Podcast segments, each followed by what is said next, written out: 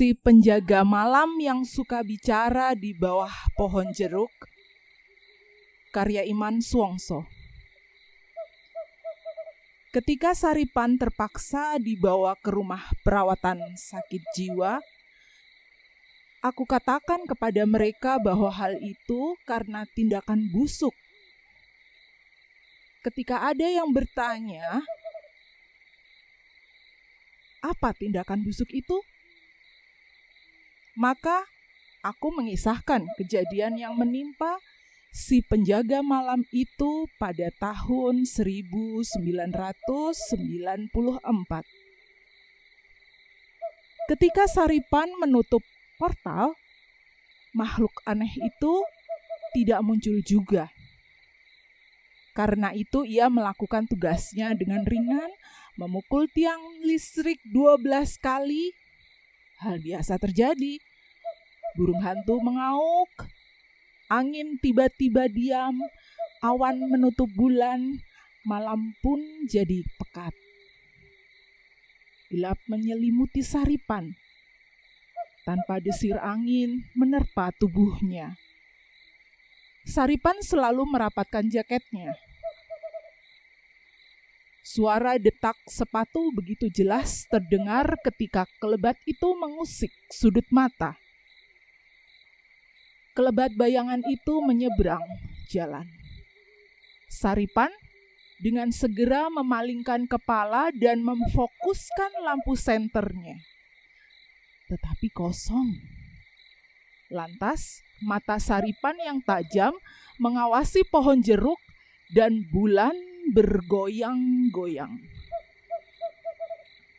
Saat Saripan mendongak memuja indah bulan yang disaput awan itu, tiba-tiba beberapa orang berlompatan dari parit seperti siluman. Mereka memukul tengkuk, perut, dan punggung Saripan. Ia terjerembab. Mukanya membenam di lumpur. Begitu cepat kejadian itu. Saripan dibawa ke suatu tempat dan kesadarannya pulih ketika diseret turun dari mobil. Ia mencoba kibaskan kepala ketika melintas di atas rumput berembun dan kepekatan yang didapat. Karena matanya diikat kain hitam, ia mencoba meraba-raba tempat gelap itu. Tak sempat mendapat gambaran tempat ini, dua tangan menancap di kedua lengannya. Memapahnya, Saripan meronta. Tapi apa daya, tangan itu lebih perkasa, lebih kuat, mencengkeram. Tubuhnya telah lemas. Jalannya sempoyongan sampai kakinya tersandung terap yang ia naiki. Lantas Saripan dihempaskan di sebuah kursi pada ruang lantai dua yang kosong. Tutup matanya dibuka. Dan kunang-kunang berhamburan di pelupuk mata laki-laki malang itu. Temaram rembulan menerobos lewat jendela kaca, wajah-wajah yang muncul tak dapat dilihat dengan jelas. Mengapa kalian hempaskan aku di sini? Suara Saripan menggema dan panik. Tak ada jawaban. Angin mendesir mengibarkan rambut-rambut mereka yang pekat seperti daun-daun pisang. Sesaat melintas selampu pos yang kosong menyala dalam benaknya. Beberapa menit kemudian suara datar keluar dari sebuah mulut. Tugas kami hanya membawamu kemari. Hanya itu. Sesudah itu bungkam. Tentu benak Saripan berkeliaran. Apa salahku? Aku hanya seorang penjaga karena iri, dendam. Saripan menahan nafas. Seluruh ruangan hanya membisu kaku. Siluet orang berdiri dan duduk tanpa wajah mengepungnya. Mereka seperti onggokan tonggak kayu, pohon jati. Apa yang akan kalian lakukan padaku? Hanya pertanyaan itu yang kemudian mendengung-dengung Saripan menunggu dengan cemas, orang-orang itu menunggu dengan bisu, ruangan ini menunggu dengan dingin. Suara jam dinding lamat-lamat menyelusup dari ruang lain, detaknya lemah. Ia tendang kegelisahan ini dengan hentakan nafasnya. Gagal. Justru Minten dan ketiga anaknya. Pintu gerbang yang menganga, suara burung hantu melintas tindih menindih di benaknya. Entah jam berapa.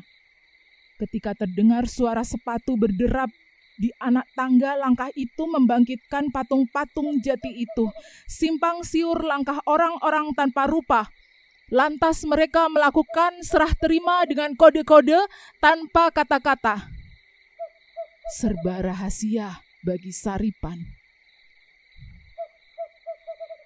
Saripan memandang lukisan bulan dan awan putih berbingkai jendela.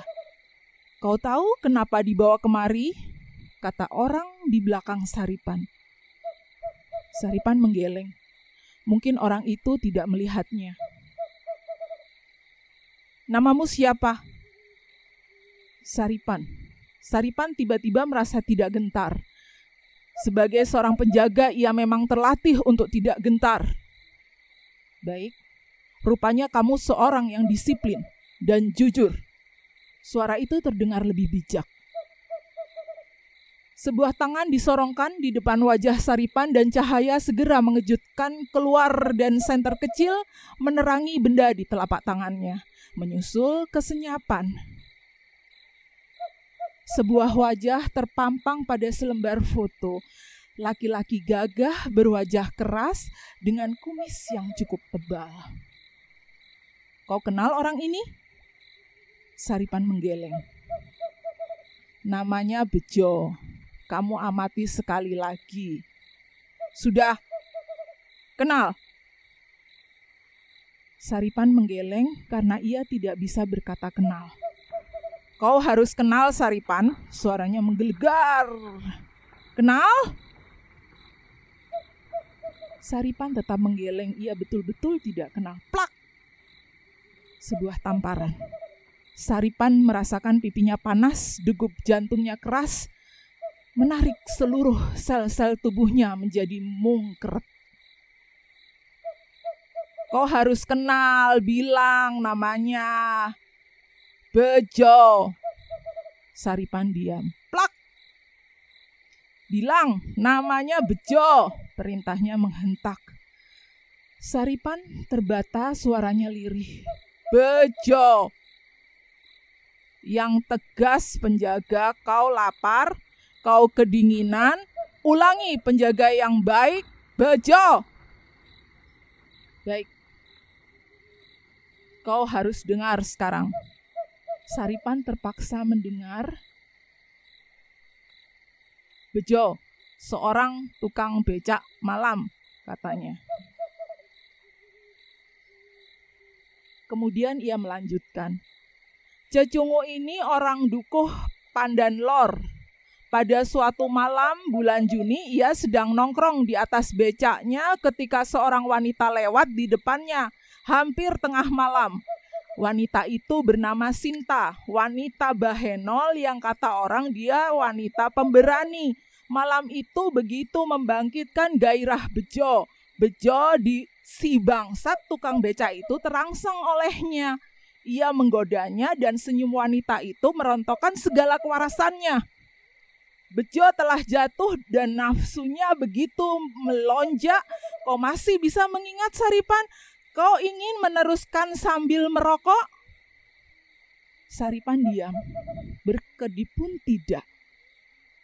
Setelah beberapa jarak tukang becak kampung ini mengutit Sinta, niat jahatnya mulai dijalankan. Laki-laki ini menyergap perempuan itu di belokan yang gelap dekat tugu itu.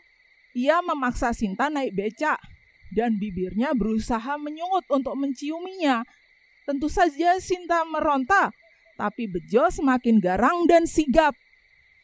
Tubuh yang kekar itu begitu kuat dan sangat mudah membengkuk Sinta. Jalanan sepi, lalu Bejo memperkosa Sinta di atas becak, celana dalam Sinta robek. Cukup! Pinta Saripan. Ada apa Saripan? Kamu ingin menambahi? Saripan tidak ingin mendengar. Ia ingin cahaya yang dapat menunjukkan wajah mulut pembual itu. Baik, kalau begitu aku teruskan. Ya, celana dalam Sinta robek dan blusnya koyak, tali BH-nya putus. Sinta terkapar dan meringi-ringi. Bejo telah mendapatkan kepuasannya tetapi perasaan takut memburunya. Bejo menjadi kalap dan lebih nekat. Ia menyumpal mulut Sinta, mencekik lehernya dengan sabuknya. Sinta mendelik. Tidak, aku tidak kenal Bejo. Saripan tak kuasa menahan tubuhnya menggigil dan basah, kuduknya meremang. Kau kenal, suara itu menyentak. Tahu pun tidak. Kamu harus tahu, ketemu pun tidak. Kau harus merasa pernah ketemu. Kau harus kenal penjaga. Sebuah kaki menginjak ibu jari kaki Saripan. Kaki itu bukan kaki biasa, tetapi kaki meja. Kaki meja yang diberi beban di atasnya. Saripan merasakan kakinya terasa pipih. Saripan mengaduh, keringatnya deras. Ia ingin melolong tapi tak mampu. Lemas. Tidak. Dan gemeretak suara gencetan terdengar mengeras. Yang terpenting untuk kau ingat, Bejo telah melarikan Sinta dan kau tahu Bejo membawa barang dalam karung di atas becaknya melintasi tempatmu berjaga sebagai penjaga. Kau pasti curiga kan? Saripan tak menjawab tapi meringis. Kau membutuhkan Bejo yang sedang menggenjot becak. Ia menuju ke sebuah jembatan 500 meter dari tempatmu berjaga. Bejo menceburkan karung itu ke dalam sungai yang pekat pada bulan Juni tanggal 1 jam 3 dini hari. Kau bertanya pada Bejo, sedang apa? Dan Bejo menjawab, sedang membuang sampah. Tetapi sebenarnya Bejo sedang membuang mayat Sinta. Saat kau sedang melihat jok, becak, basah, dan kau mencium bau yang aneh, Lantas kau melihat ke dalam sungai dan menyalakan lampu sentermu dan kemudian kau tak menemukan kembali bejo di dekatmu. Ia telah raib bersama becaknya, lari. Suara itu berhenti sejenak, seperti memberi kesempatan Saripan untuk berpapasan dengan wajah bulan kembali. Tetapi pikiran Saripan disergap pertanyaan, siapa Bejo? Persekongkolan apa ini? Baik, kau paham Saripan? Saripan tak menjawab. Sekarang coba kau katakan yang kamu ketahui tentang Bejo. Saripan masih diam. Bunyi tiktok memberat. Suara kodok yang senyap. Bulan di barat pucat. Suara gemeretak meja ditekan Saripan menyeringai pori-porinya seperti tercocok-cocok. Saripan tak mau berkata. Oh memang hebat Saripan. Tak salah orang memilihmu jadi penjaga gerbang malam. Suara itu menggema datar dan sinis. Tetapi aku ingin tahu. Coba lihat ini. Sesuatu dilempar ke atas meja, sorot lampu senter kecil dan tajam nyapunya, Saripan terbelalak, sebuah foto keluarga ukuran postcard di depannya. Wanita tersenyum dan anak-anak yang tertawa bahagia. Seketika matanya basah, jantungnya seperti tertusuk jarum karatan. Apa maksud kalian? Dunia penuh pilihan Saripan. Tinggal kau yang memilihnya. Saripan terdiam, terduduk, lebih dari lunglai. Kau harus katakan kisah bejo ini di muka hakim. Mata Saripan terasa berat memandang. Mulutnya seperti terkunci. Telinganya mengiang. Ia ambruk di bawah kursi dalam temaram Bulan hadir seperti malaikat bersaksi. Sejak Saripan pulang dari bersaksi, ia tidak menjadi penjaga malam lagi. Ia diberhentikan karena sering bicara sendiri di bawah pohon jeruk. Ketika mereka mulai mengorek siapa yang melakukan tindakan busuk itu, aku segera pergi dari mereka dengan seribu alasan. Joglo Pandan Landung, November 2016.